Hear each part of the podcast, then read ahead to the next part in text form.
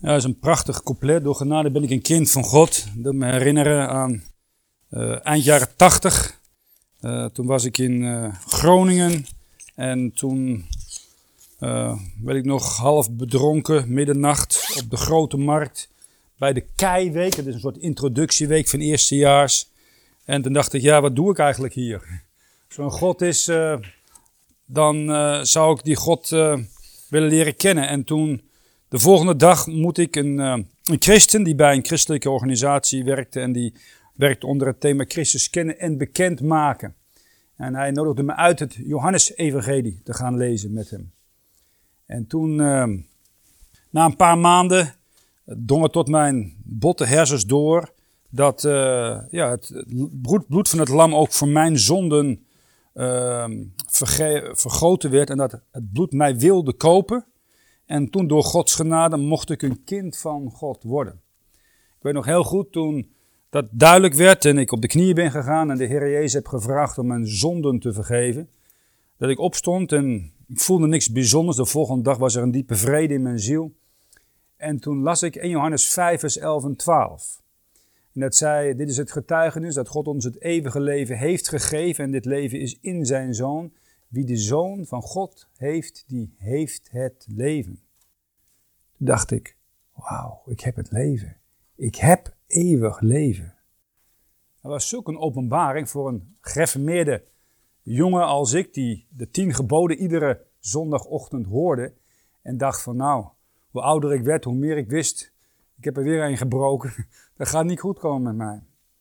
En door het bloed van het lam en in zijn liefde die de Heer Jezus uh, had, uh, mocht ik door Gods genade een kind van God worden. En, uh, maar dat is eigenlijk een, een, een, reis begonnen, een pelgrimsreis. En uiteindelijk ben ik dan via de Verenigde Staten in, in Oostenrijk en Zwitserland gekomen, waar we nu sinds zo'n 15 jaar wonen. Al onze kinderen zijn er ook geboren. En uh, vandaar mogen we wat ja, zendingswerk eigenlijk doen in uh, een vrij katholiek gebied. Uh, we mochten wat gemeenten beginnen in Liechtenstein en in Zwitserland. En vorig jaar in Stuttgart en in München. En een, nieuwe in Oostenrijk.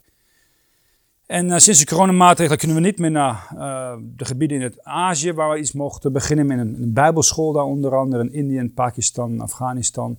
Dus nu is veel over uh, TeamViewer of, of, Skype, of hoe je dat allemaal noemt.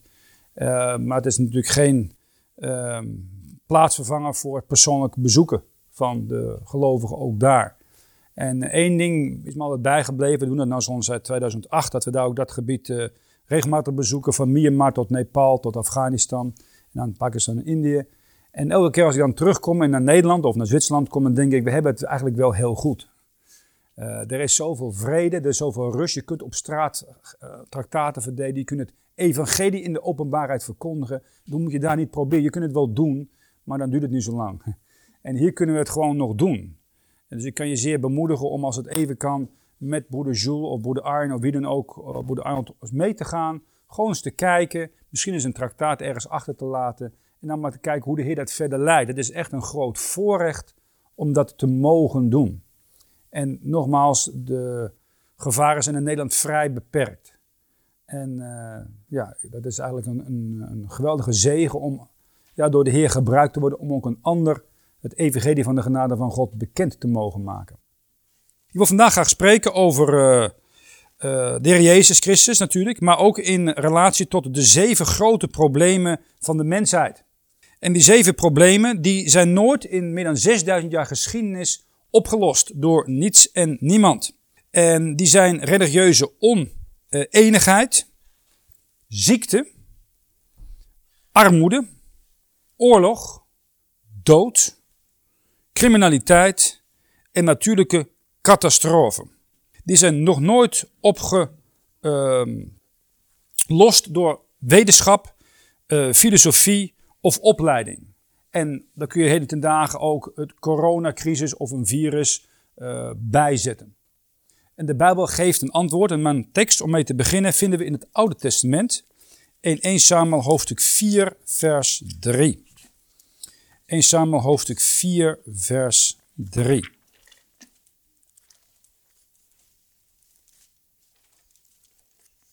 Er is een situatie dat ehm, de Filistijnen, de vijanden van het volk van eh, Israël, die de afgoden Dagon, Baal en Ashtoreth aanbaden, die heden ten dagen in het, geheimnis Babylons in Rome te vinden zijn, in uh, Israël, verbonden met uh, Jehovah God, de Heere.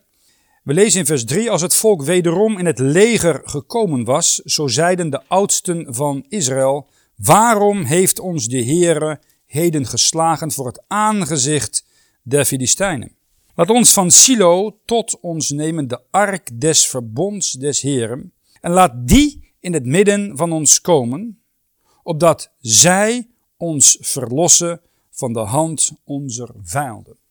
Nu gaat het om die ark des verbonds, opdat zij ons verlossen. Dus wat het volk doet in zijn afvallige toestand is, ze vertrouwen een ark, een ding.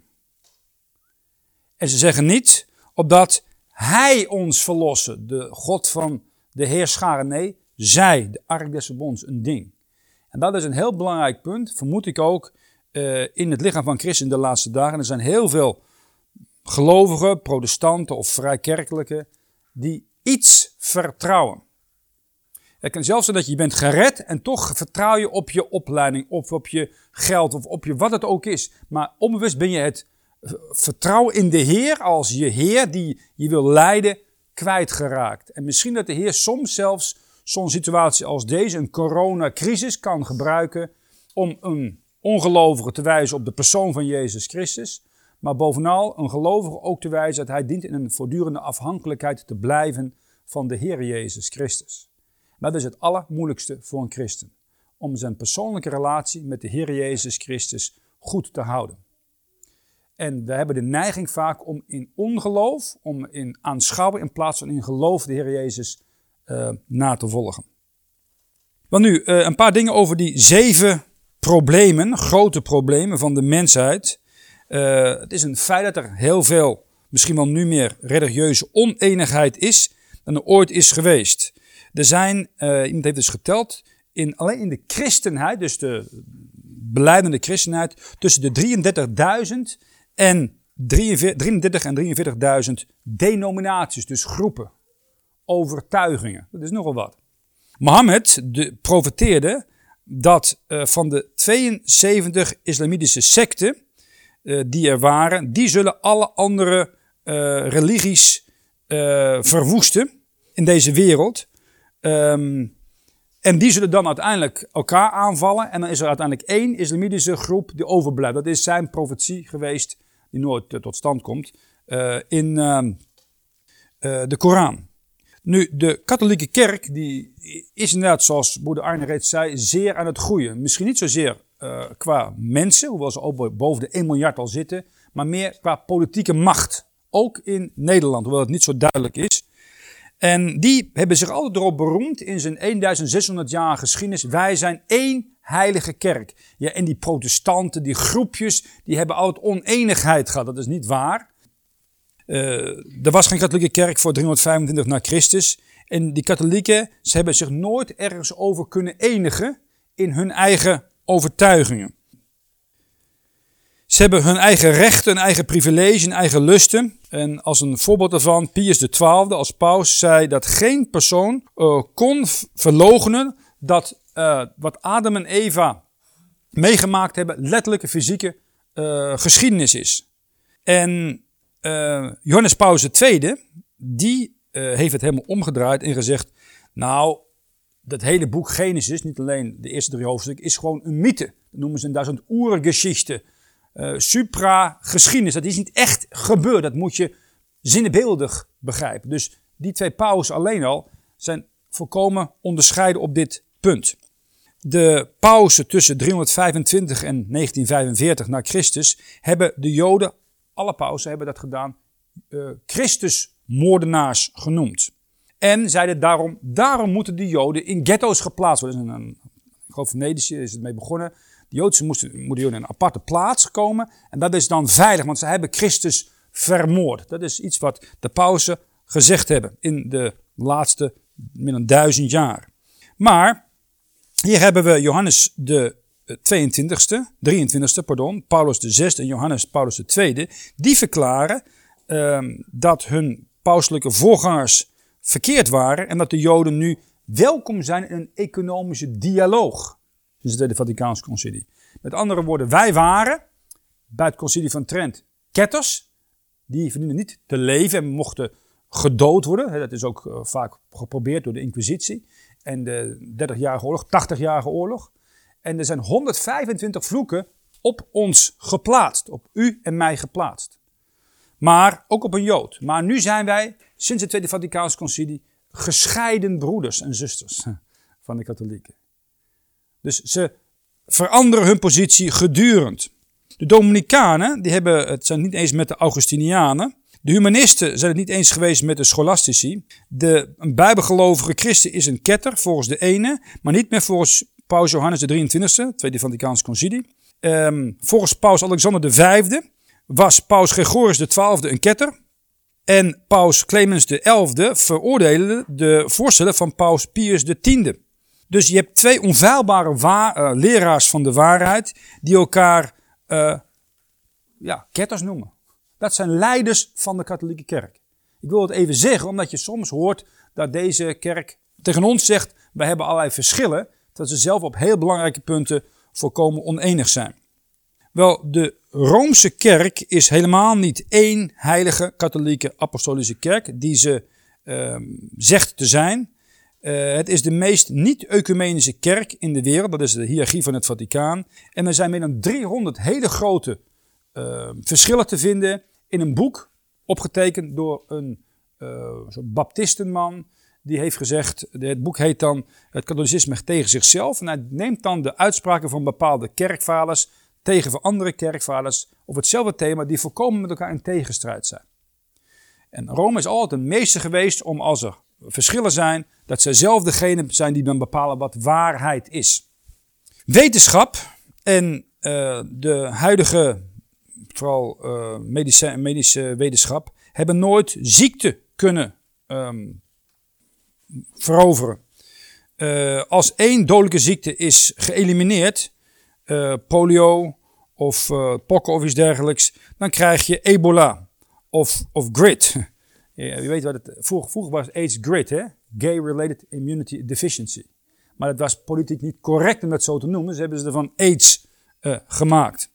Um, dan krijg je nu meer Alzheimer, meer diabetes, meer hart- uh, en vaatziekten, meer autisme, meer uh, kanker. En wat heeft die uh, wetenschap daarvoor gedaan? Nou, misschien dat je een paar jaar langer zou kunnen leven. En dat is alles. De wetenschap of de medicijnische wetenschap is geen oplossing. En tegenwoordig, als je in de, Kamerdebat hoort, dan zeggen ze: ja, de wetenschap heeft bewezen. Maar die spreekt zich zozeer tegen dat ook de wetenschap niet meer zo'n autoriteit heeft als misschien een aantal jaren geleden. Dan het probleem van uh, uh, armoede. Armoede is nooit opgelost in al die duizenden jaren dat de mensheid leeft. Eh, de Heer Jezus zegt in Johannes 12, vers 8, laten we het maar eventjes lezen, dat is wel belangrijk. Maar dat zal ook zo zijn in de toekomst. De armen, die hebben wij altijd bij ons. Johannes 12, vers uh, 8. De armen hebt gij lieden altijd met u, maar mij hebt gij niet altijd. Dat is natuurlijk een hele duidelijke uitspraak. Zo van, nou, de armen kun je het een en ander aan geven, maar ik ben niet altijd bij en je zult aan mij moeten geven, want ik ben, ik ben die ik ben. Ik ben de weg, de waarheid in het leven. Ik ben de al van de omega, die is, die was, die komt, die almachtige.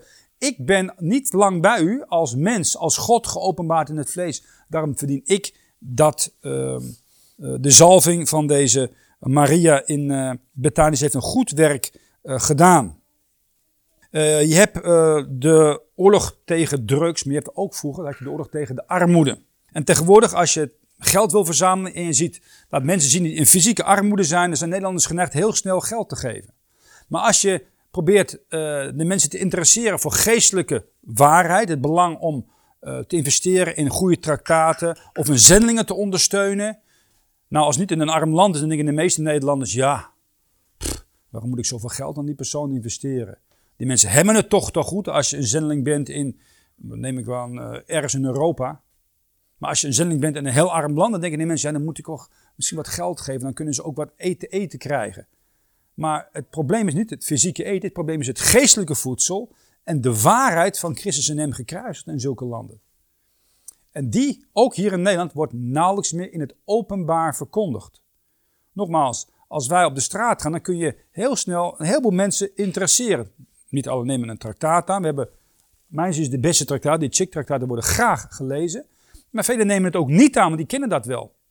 Maar wat ze niet kunnen stoppen is openbare prediking. Ook hier in Nederland is dat ontzettend belangrijk.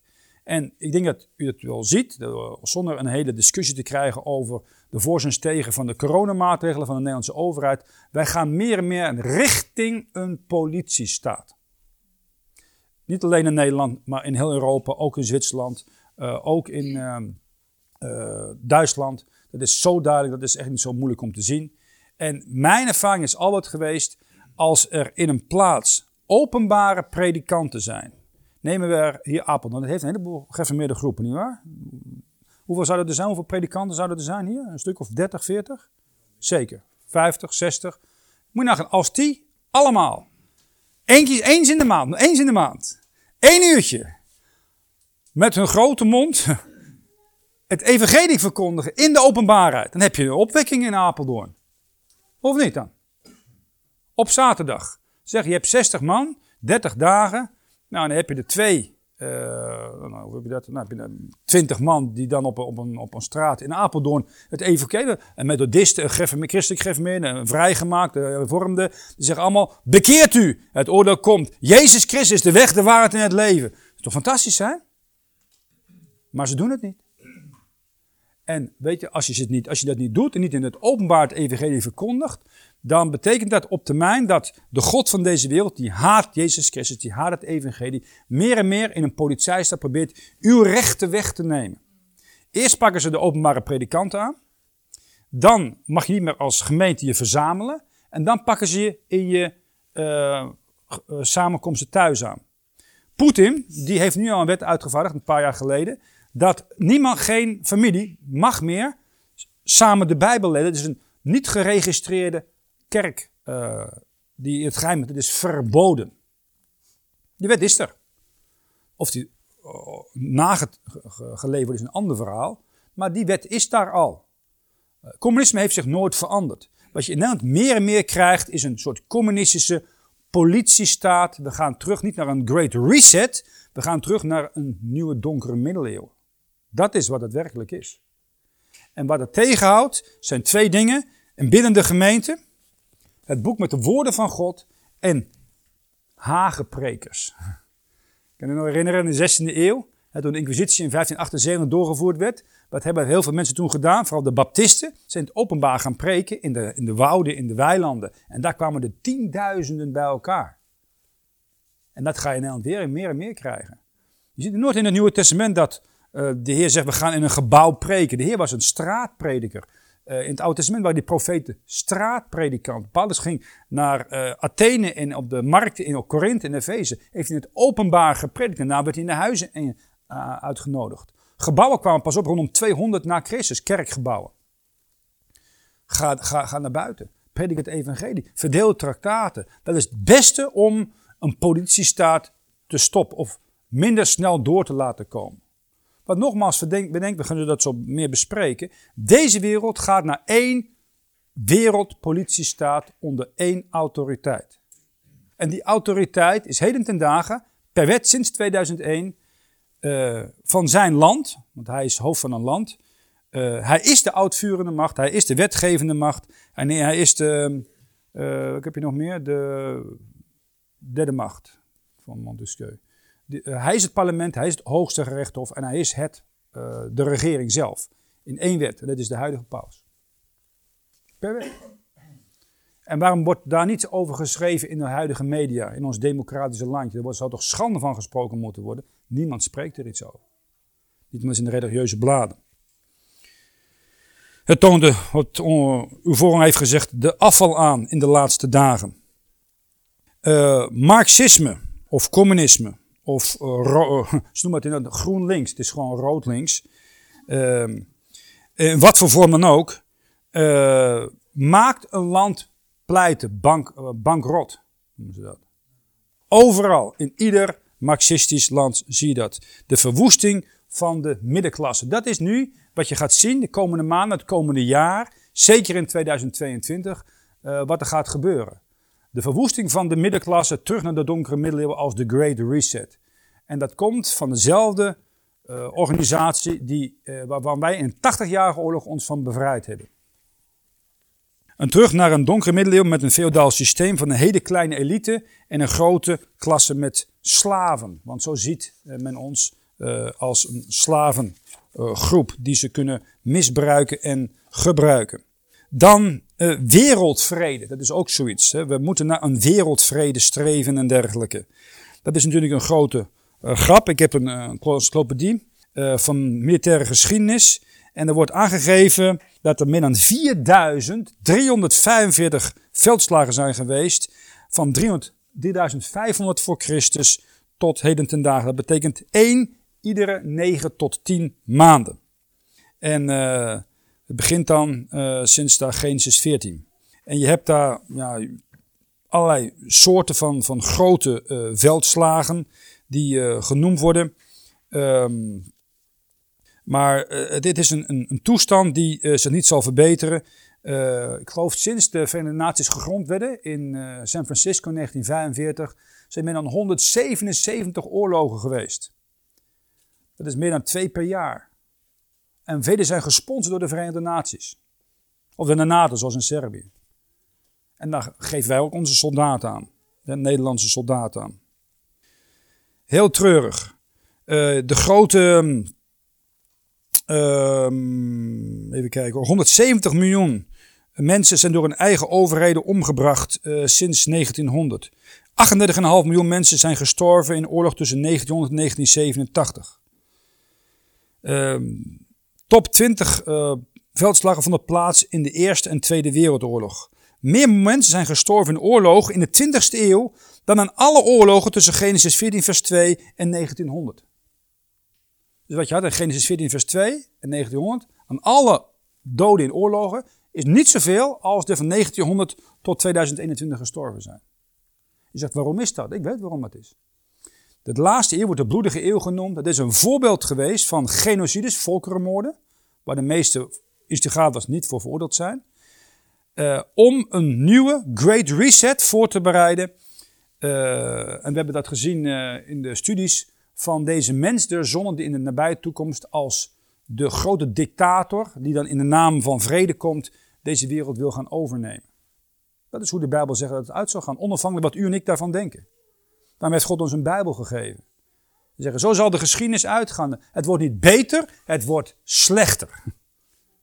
En zoals het volk Israël wilde een koning na, zoals de volken rondom het. Ze kregen koning Saul, een beeld van de antichrist. En daarna kregen ze de Heer Jezus Christus. Zo zal deze wereld eerst een valse Christus, of hij nou een Madi genoemd wordt, of hoe je hem ook noemt, ontvangen. En daarna, als deze onthoofd zal zijn, bij Megiddo zal de ware Christus komen, Jezus van Nazareth, de Joodse timmermanszoon, die bewezen heeft door de opstanding te zijn de zoon van de levende God. Dat is u en mijn, of u hopelijk uw verlosser, uw persoonlijke verlosser. Het, de gewelddadige eeuw. Um, hier als, als voorbeeld in, uh, ik wil het toch even noemen, die, die, die slagen bij de Eerste Wereldoorlog 1918. 26.000 uh, Amerikanen stierven in één slag. Uh, Amerika heeft 88 miljard besteed in de Tweede Wereldoorlog. De Duitsers en de Russen nog veel meer. En wat is er gebeurd? In 1884 hebben de Engelsen hun reformatiebijbel aan de kant gegooid. In 1901 hebben de Amerikanen hetzelfde gedaan. En in 1850 de Duitsers reeds. En Nederlanders, die komen altijd veel later. Zoals Goethe al zelfs de wereld vergaat, moet je naar Nederland gaan. Dan gaat alles 50 tot 100 jaar later. Uh, de Nederlanders zijn een beetje later, Johnny Come Lately. En die hebben dan eigenlijk in 51 de NBG gehad. Gewoon een, een katholieke tekst uh, die vertaald is door protestanten afvalligen. Dat is eigenlijk alles.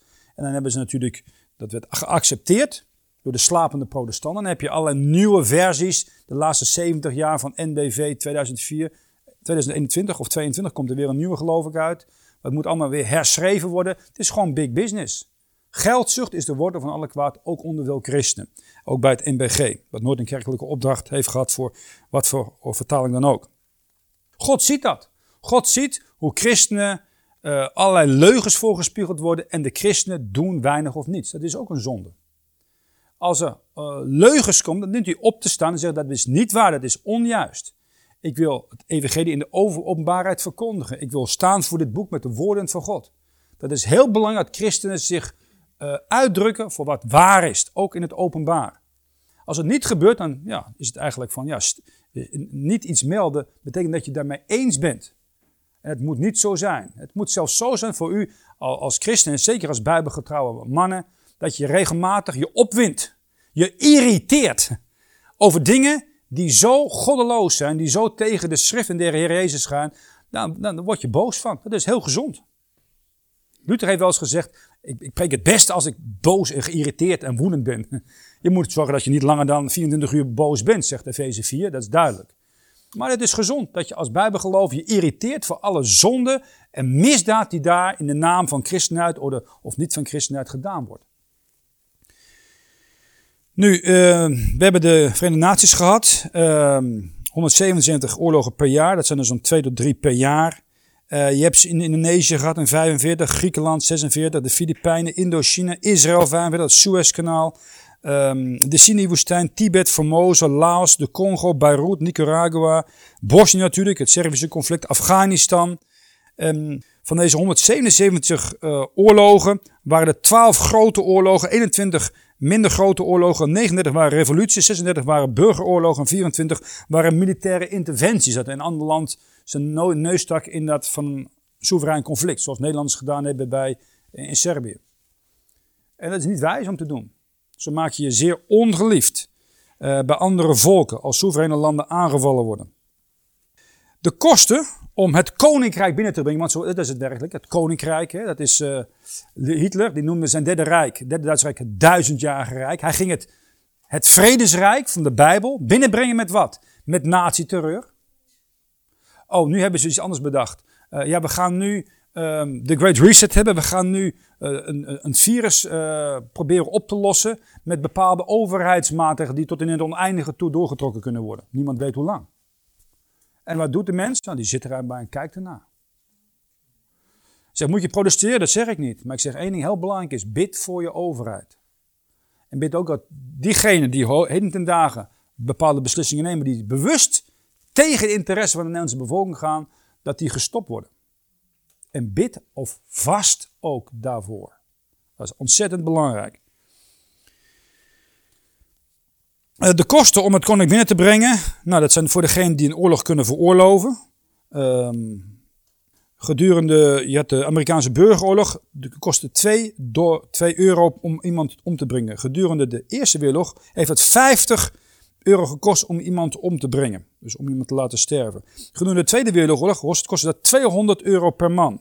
In Korea was het 3000 uh, euro per man. In Vietnam 6000 per man. Met andere woorden, je moet veel geld hebben om een oorlog te beginnen. Je moet uh, weten wat je doet als je zulke coronamaatregelen in een land gaat doortrekken. Dat kost miljarden. Wie gaat dat betalen? De bevolking. U en ik. Dat is heel eenvoudig. Zonde is heel kostbaar. Genade is voor niets. En uh, het de goede nieuws is voor degenen die hier zitten en nog niet opnieuw geboren zijn en denken, ja, die Jezus, daar heb ik het niet zo op en dat is jouw mening. Dan heb ik een boodschap voor u. U gaat dan nog drie wereldoorlogen tegemoet.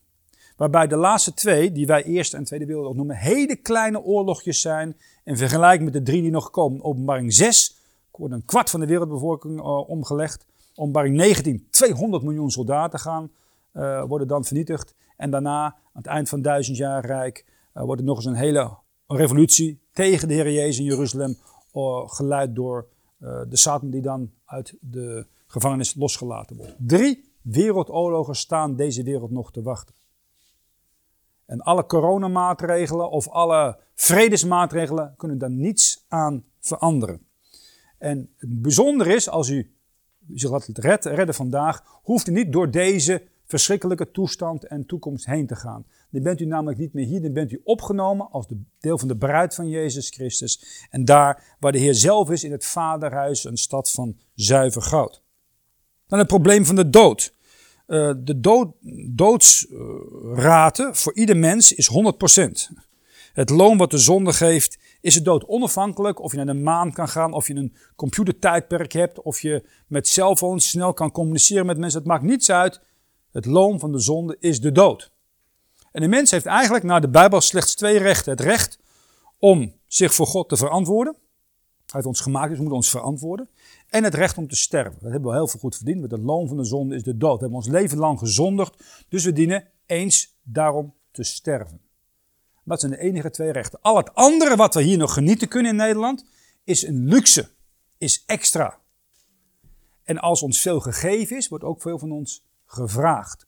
Om met die vrijheid en die rechten iets te doen voor Jezus Christus. Niet alleen maar te zitten en daarvan te genieten en het niet ja, door te geven aan mensen die nog niets weten van de genade van God in Jezus Christus. Dan de criminaliteit. Die, die stijgt ook alleen maar. We denken vaak van, nou we zijn in 2021, nou door de technologische ontwikkelingen in transport en communicatie, zijn wij zoveel voortgeschreden als die, ja onze opa en oma, die hadden nog geen cellfoon of geen, wat, misschien geen televisie, wat dan ook. Dus wij zijn, nee maar dat is wel waar technologisch, maar moreel zijn wij alleen maar afgevallen. Ieder die wat ouder is, die kan het beamen.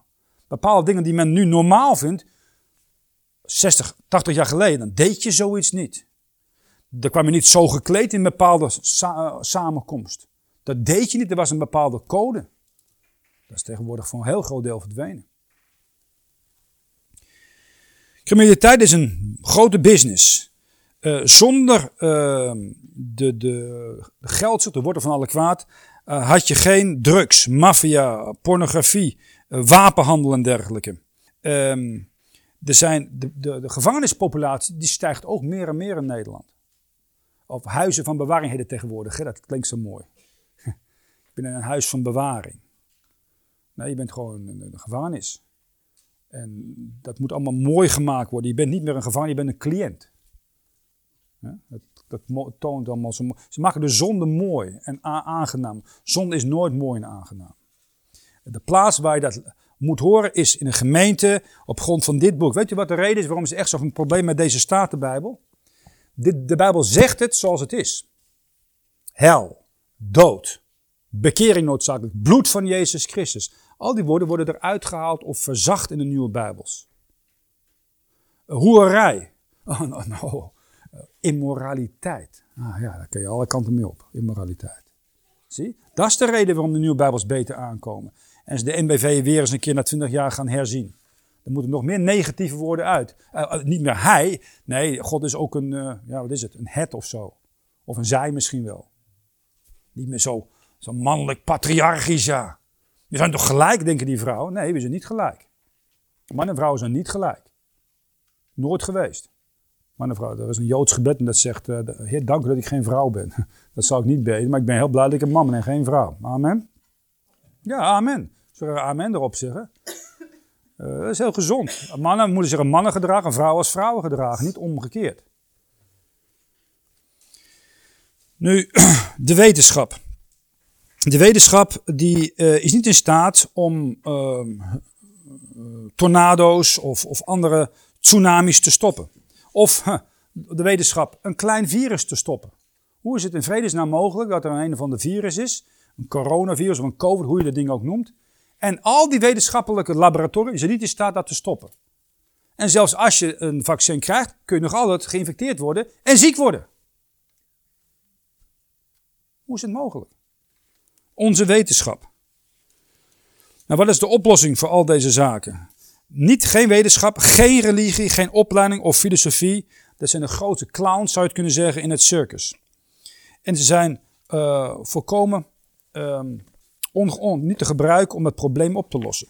De Bijbel zegt in 1 Samuel hoofdstuk 4, vers uh, ehm,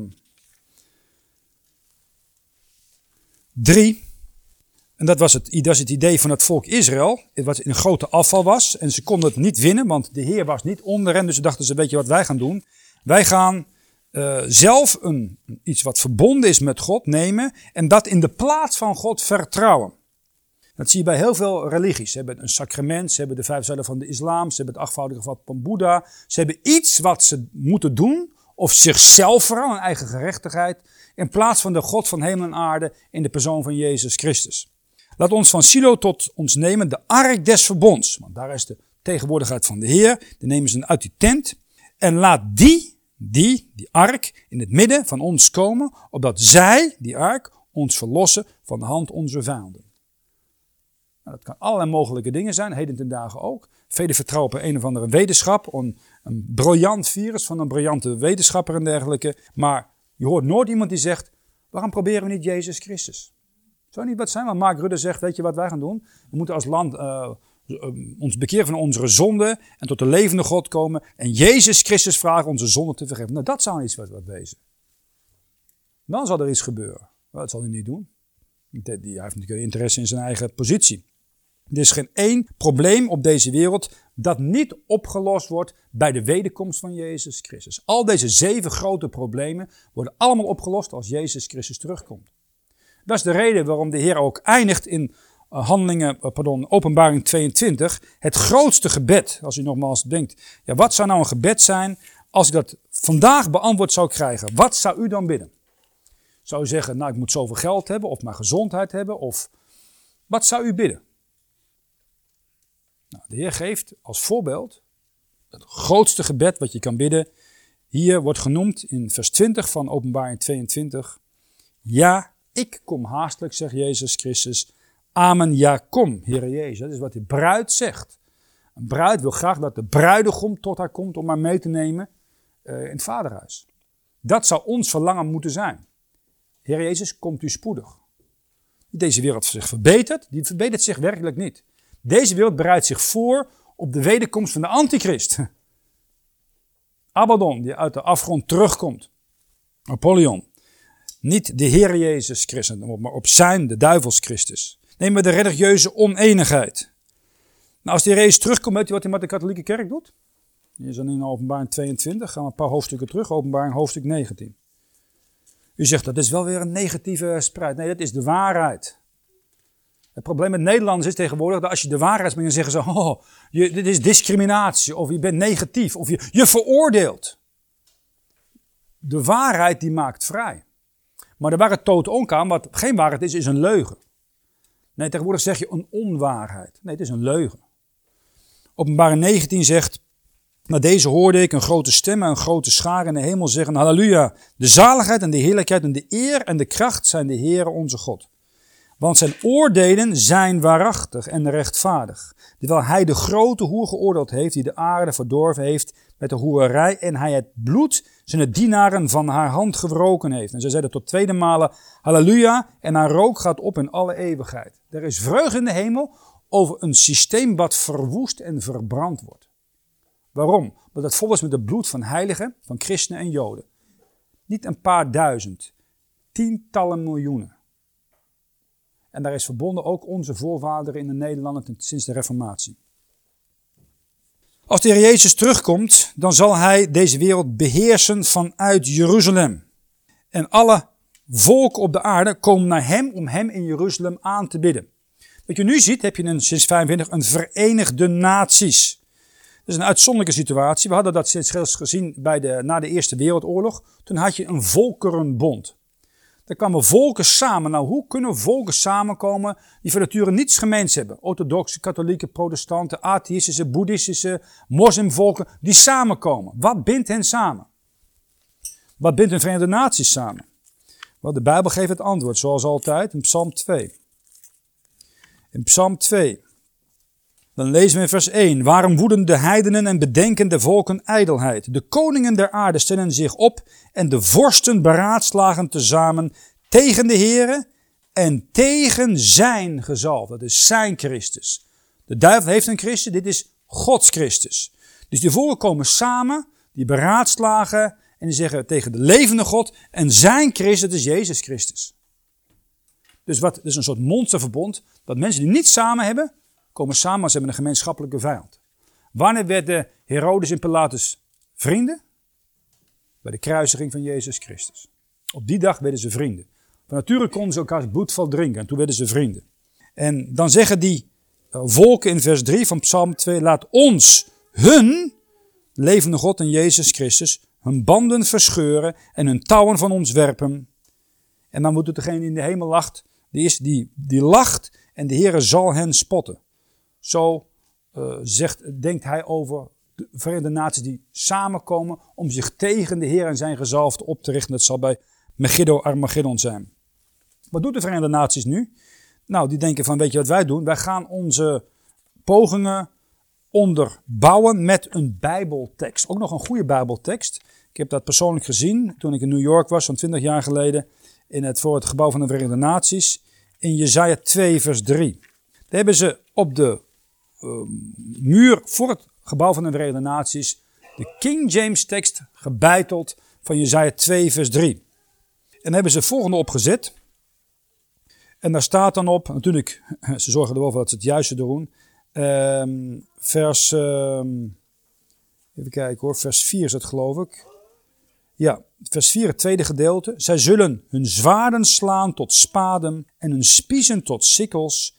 Het ene volk zal tegen het andere volk geen zwaard opheffen en zij zullen geen oorlog meer leren. Nou, zeggen de mensen. Geweldige vers. Dat moeten we nemen. Dat nemen we daar. Dat plaatsen, we op het gebouw. En daar, wij zullen dus als Verenigde Naties de wereldvrede binnenbrengen. Nee, ze zullen de hel en de dood binnenbrengen. Want de samenhang in dit, in vers 3, laten we die maar even lezen, is, vele volken zullen heen gaan en zeggen, kom laat ons opgaan tot de berg des Heren. Die is echt niet in New York. Tot het huis van de God van Jacobs, ligt ook niet in New York. Opdat hij ons leren van zijn wegen, dat we wandelen tot in zijn paden. Want uit Sion, Jeruzalem, zal de wet uitgaan en des Heren woord uit Jeruzalem. Wat doet hij daar? En dan hebben we iets negatiefs, en dat is natuurlijk een no-no heden ten dagen. Het moet allemaal positief zijn. Hij zal richten onder de heidenen en bestraffen vele volken. Oordeel, rechtvaardig oordeel werd er uitgesproken. Wanneer? Bij de wederkomst van Jezus Christus. Dan zal daar een eenheid zijn. En niet de mensheid die het samen gaat proberen, zonder God, zonder zijn woord, woord en zonder de Heer Jezus Christus. En als dan eh, in het duizend jaar rijk een volk niet op wil komen en zondag dan krijgt hij gewoon geen regen. Dat zegt de Bijbel in Zechariah 14. Dus dan absolute religieuze eenheid zijn als de Heer Jezus het object is, het centrale punt is van alle aanbidding van de volken op de aarde. En tweede, als het gaat om de ziekte. Wat zegt de Bijbel daarover? Um, veel charismatici, en, en misschien kent u dat ook wel, pinkste mensen die denken van, nou ja, als de Heer Jezus gestorven is, dan is ook de fysieke genezing onderdeel van onze redding. En dat wordt dan uh, onder andere uh, geprobeerd te onderschrijven in Matthäus 8, vers 17. Ik toch maar even bijnoemen, want ik heb hele vreemde dingen gezien. Uh, Matthäus 8, vers 17. Opdat vervuld zou worden wat gesproken was door Jezaja de profeet zeggende, hij heeft onze krankheden op zich genomen en onze ziekten gedragen. En het gaat dan hier over de schoonmoeder van Petrus, die daar uh, genezen wordt. En men zegt dan, als je tot Jezus komt, ja, dan moet je ook fysiek genezen. Dat kan ook zo zijn. Ik ken mensen die zijn tot geloof gekomen in Jezus Christus en zijn bloed. Ze hebben zondevergeving ontvangen en zijn ook daarna fysiek aan de betere hand gekomen. En soms zijn inderdaad wonderen in de zin dat iemand die ik kende, die was meer dan 20 jaar aan de drugs, harddrugs. Die heeft een paar keer per dag heroïne gespoten, heel zwaar daaraan. Hepatitis B geloof ik. Uh, en is toen hij te gered was, weg. Niet dat hij helemaal fysiek in orde is, maar die, die hepatitis was niet meer daar. Dat is, een uitzonderlijke situatie. Dat is een genade. Dat kan God inderdaad doen. Maar is niet zo dat God met ieder mens die gered wordt ook hem fysiek of haar fysiek re, uh, geneest. Dat is niet waar. Dat zal plaatsvinden als Jezus komt, een duizend jaar rijk, maar niet nu. Toen Paulus uh, na zijn eerste gevangenschap op reis was, zegt in 2 Timotheus 4 vers 20, Trofimus moest ik in mijn leten ziek, krank achterlaten. Hij kon niet meer zijn eigen eh, medewerker fysiek genezen. Waarom niet? Omdat uh, de, het genezen van een ziekte een teken is voor de Joden. De Joden hebben hem handelingen 28 definitief afgewezen als volk, de vierde keer. En toen heeft Paulus zijn uh, wondertekenen niet meer gehad na die eerste gevangenschap.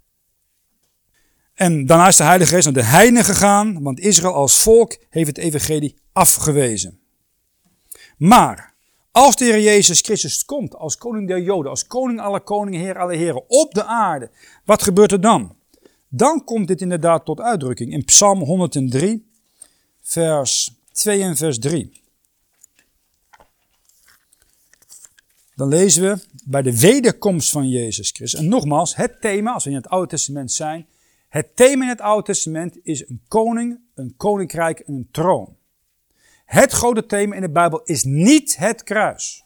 Dat is voor ons heel mooi, dat wij als heidenen op grond van geloof alleen gered worden. Dat is fantastisch mooi. Maar voor God is het geen hoogtepunt dat zijn enige geboren zoon aan een kruis genageld wordt. Voor God is het hoogtepunt als zijn zoon als koning alle koning en koning de Joden terugkomt om duizend jaar vrede op aarde te brengen. Dat is voor God het hoogtepunt. Dat is het thema, het thema in het Oude Testament. Psalm 103, vers 2. Loof de Heer, mijn ziel, en vergeet geen van zijn weldaden. Die al uw ongerechtigheid vergeeft, die al uw krankheden geneest. En ze verbonden hier met de wederkomst van Jezus Christus. Het boek met de meeste hoofdstukken, 150 hoofdstukken. Het gaat vooral over de Heer Jezus Christus die op aarde terugkomt. De wederkomst van Jezus Christus. En dan is er vrede op aarde. Als de Heer Jezus regeert, zal er ook geen armoede meer zijn. Salomo is een beeld van, dat betekent vrede, Salom, Salomo, shalom, vrede, van de regering van Jezus Christus in het uh, duizendjarig rijk, totdat daar dat getal 666 opduikt. En zilver werd niet uh, gerekend. Uh, goud was zo normaal als stenen, naar 2 Korinthe 1 vers 15. Dus als je het hebt over een, een economisch plan voor Nederland, nou, wat is het beste economisch plan? Als Jezus Christus terugkomt. Dan zorgt hij voor ons allemaal, heel goed. Maar ja, dat willen de meeste Nederlanders niet, dat Jezus Christus terugkomt. Die denken dat dat een van de religieuze toestand is. Maar ook fysiek is dat bijzonder gezegend. Bid dat de Heer Jezus Christus spoedig terugkomt. Dan is het ook fysiek voor ieder mens veel beter. Dan wereldvrede. en mensen zeggen, ja, we willen dat de oorlog uiteindelijk oorlogen ophouden. Nou, we hebben reeds gezien, uh, je moet niet naar de Verenigde Naties kijken voor hulp. 177 oorlogen sinds 1945 begonnen en ondersteund of gefinancierd door de Verenigde Naties. En ze misbruiken dan een vers in Jezaja 2 vers 4. Nogmaals, er komt geen vrede op aarde totdat de prins de vrede, de vredesvorst op aarde, teruggekomen is. En de meeste, geen moslim, geen boeddhist, geen hindoeïst, geen katholiek, wil de vredevorst Jezus Christus terug hebben. Stel je bent paus. Stel hij zou christen zijn, wat zou je dan moeten zeggen? Met alle ellende die je op aarde ziet. Hij zou moeten spreken over wat? Over de wederkomst van Jezus Christus. Ik heb er nooit één paus gehoord in één toespraak die heeft iets gezegd over dat Heer Jezus maar spoedig terug mogen komen. Nee, hij is, dat is ook zijn titel, plaatsvervangend zoon van God op aarde. Een blasfemische titel. Je hoort hem nooit spreken over de wederkomst van Jezus Christus. De dood. Nou, dat is toch een belangrijk punt, niet waar? Ieder mens moet één keer sterven. Met uitzondering van wat? Kom naar 1 Korinthe hoofdstuk 15. Degene die de dood overwonnen heeft. Het is niet Mohammed, die is nog altijd dood. Die, zijn gebeen ligt in het Medina, geloof ik. Uh, niet Boeddha. Zijn gebeen wordt over de hele wereld rondgedragen. Het is de Heer Jezus Christus. Niemand heeft ooit één gebeente van hem gevonden. 1 Korinthe 15, vers 54. Wanneer dit verderfelijke zal onverderfelijkheid aangedaan hebben, en dit sterfelijke zal onsterfelijkheid aangedaan hebben, als dan zal het woord geschieden dat geschreven is, de dood is verslonden tot overwinning. Dood, waar is uw prikkel? Hel, waar is uw overwinning? De prikkel, nu des doods, is de zonde en de kracht der zonde is de wet. Maar Gode zij dank, die ons de overwinning geeft door onze Heere Jezus Christus. Hij is degene dat als we Hem hopelijk vandaag nog ontmoeten in de lucht, we nooit meer de dood hoeven te smaken. Hij is onze hoop. Tenminste, ik hoop dat er uw hoop uh, wil, uh, kan zijn. 1 Korinthe 15, vers 25. De, uh, hij moet als koning heersen totdat hij al de vijanden onder zijn voeten zal gelegd hebben. De laatste vijand die er niet gedaan wordt, is de dood. Als Jezus terugkomt, is er van dood geen sprake meer. Heb je maar eens gekeken in de evangelie. Overal waar Jezus Christus komt, kan je niet sterven. Een jongeman van Nain, Lazarus, dochter van Jairus. Niemand sterft als Jezus in de buurt is. U zegt ja, maar die moordenaar aan het kruis. Ja, die is gestorven op beide nadat Jezus gestorven is. Als je in de tegenwoordigheid van de Heer Jezus bent, is er geen dood meer. Als de Heer Jezus terugkomt, dan doet hij, heeft hij ook het probleem van criminaliteit opgelost. En nogmaals, uh, als hij teruggekomen is, dan zul je de bergpredik moeten volgen. Of uiteindelijk in de fysieke poel des vuurs geworpen moeten worden. In Matthäus 5, vers 22. Matthäus hoofdstuk 5, vers 22. Dan lezen we. Door ik zeg u, zo wie ten onrechte op zijn broeder toornig is, die zal strafbaar zijn door het gericht. En wie tot zijn broeder zegt raka, dwaas, die zal strafbaar zijn door de grote raad. Maar wie zegt gij dwaas, die zal strafbaar zijn door het helse vuur. Maar als de Heer Jezus teruggekomen is, ja, dan zul je de bergpredik dienen te houden. En deze zaken aan de kant schuiven. Als de Heer Jezus teruggekomen is, zal de hele natuur hem onderworpen zijn. Het, toen Adam uh, gezondigd had, was een van die uh, vloeken onder de Adamitische bond, die moeder Arjen liet zien, uh, dat doornen en distelen zal deze natuur voortbrengen. Toen de Heer Jezus op het kruis stierf, had hij een doornenkroon op zich. Dat toont aan dat hij de vloek van de natuur ook op zich genomen heeft. Wedergeboorte is niet alleen dat iemand als zonne zich bekeert van eigen gerechtigheid en gelooft in de Heer Jezus Christus, Gods gerechtigheid, dan wordt die individuele dode geest opnieuw geboren. Uw ziel wordt gered. Maar de Bijbel spreekt over, over de nieuwe geboorte van de gehele schepping. En dat zien we onder andere in Jezaja 11. Jezaja hoofdstuk 11. En daar eigenlijk eh, ja, verlangt de hele schepping naar op dit moment. We lezen in vers um, ehm, 3 van Jezaja 11. En zijn rieken zal zijn in de vrezen des Heren. Hij zal naar het gezicht zijn ogen niet richten. Hij zal ook naar het gehoor zijn oren niet bestraffen. Hij zal de armen met de gerechtigheid richten. En de zachtmoedigen des lands met rechtmatigheid bestraffen. Doch hij zal de aarde slaan met de roede zijns monds. Megiddo, de tien plagen die bij de grote verdrukking naar beneden komen. En met de adem zijner lippen zal hij de goddeloze doden vers 6. En de wolf zal met het lam verkeren, de luipaard zal bij de geitenbok nederliggen, het kalf en de jonge leeuw en het mesvee tezamen en een klein jongsken zal ze drijven. De koe en de berin zullen tezamen weiden en haar jongen zullen tezamen nederliggen en de leeuw zal stro eten gelijk de os. Als een zoogkind zal zich vermaken over het hol van een adder en een gespeend kind zal zijn hand uitsteken in de kou van de basilisk, dat is een giftige slang. Men zal nergens leed doen, noch verderven op de ganse berg mijner heiligheid.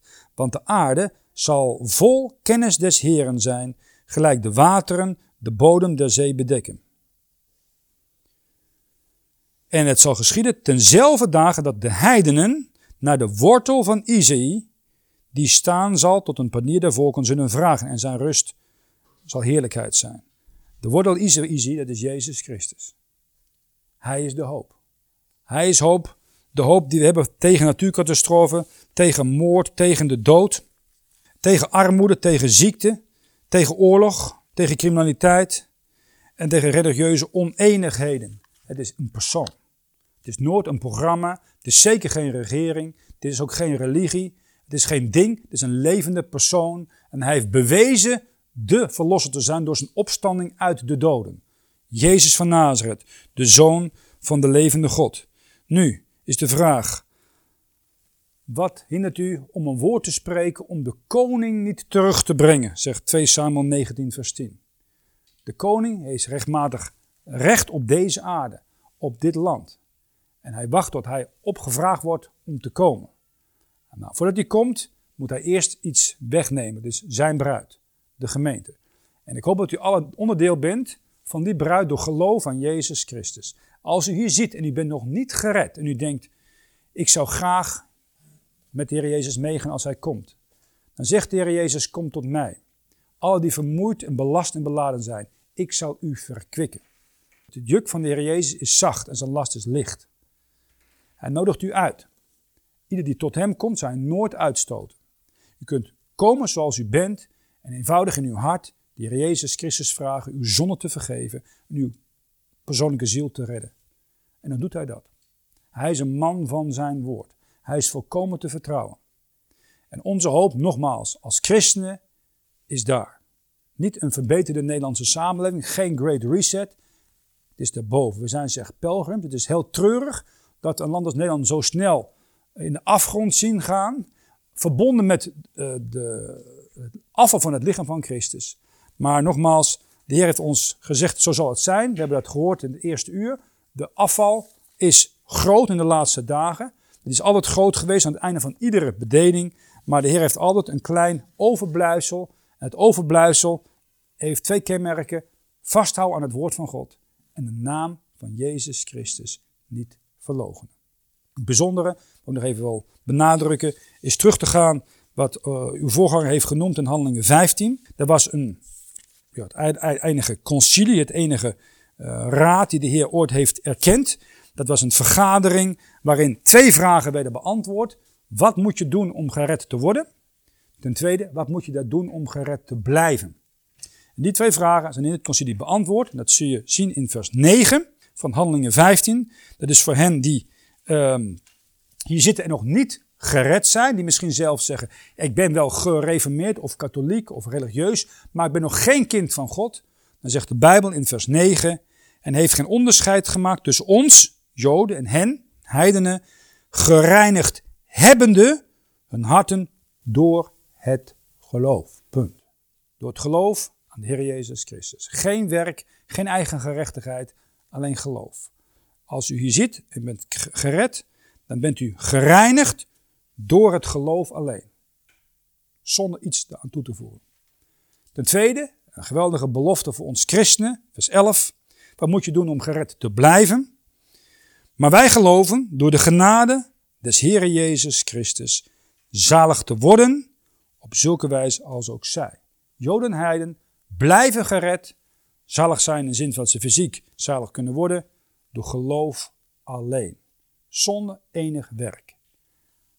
Is niet het geval in het Oude Testament, is niet het geval in de verdrukking in duizend jaar rijk, maar van de hemelvaart tot de opname is dat reine, pure genade. En de Heer geeft u die genade en dan is het aan ons om daar iets mee te doen. Om die te ontvangen als ongelovige. Als je nog niet geloofd bent, ontvang die genade in een persoon, Jezus Christus, vandaag nog. En ten tweede, als u als christen bent, draag die genade, draag die, dat evangelie der genade uit, nu het nog kan, nu er nog vrijheid is, omdat er ook anderen met ons mee mogen gaan. Als onze hoop, onze levenhoop, Jezus Christus, hopelijk vandaag komt om ons thuis te halen. Want ons thuis is niet in dit mooie Nederland, dit is veel mooiers, het vaderhuis waar wij horen. Amen.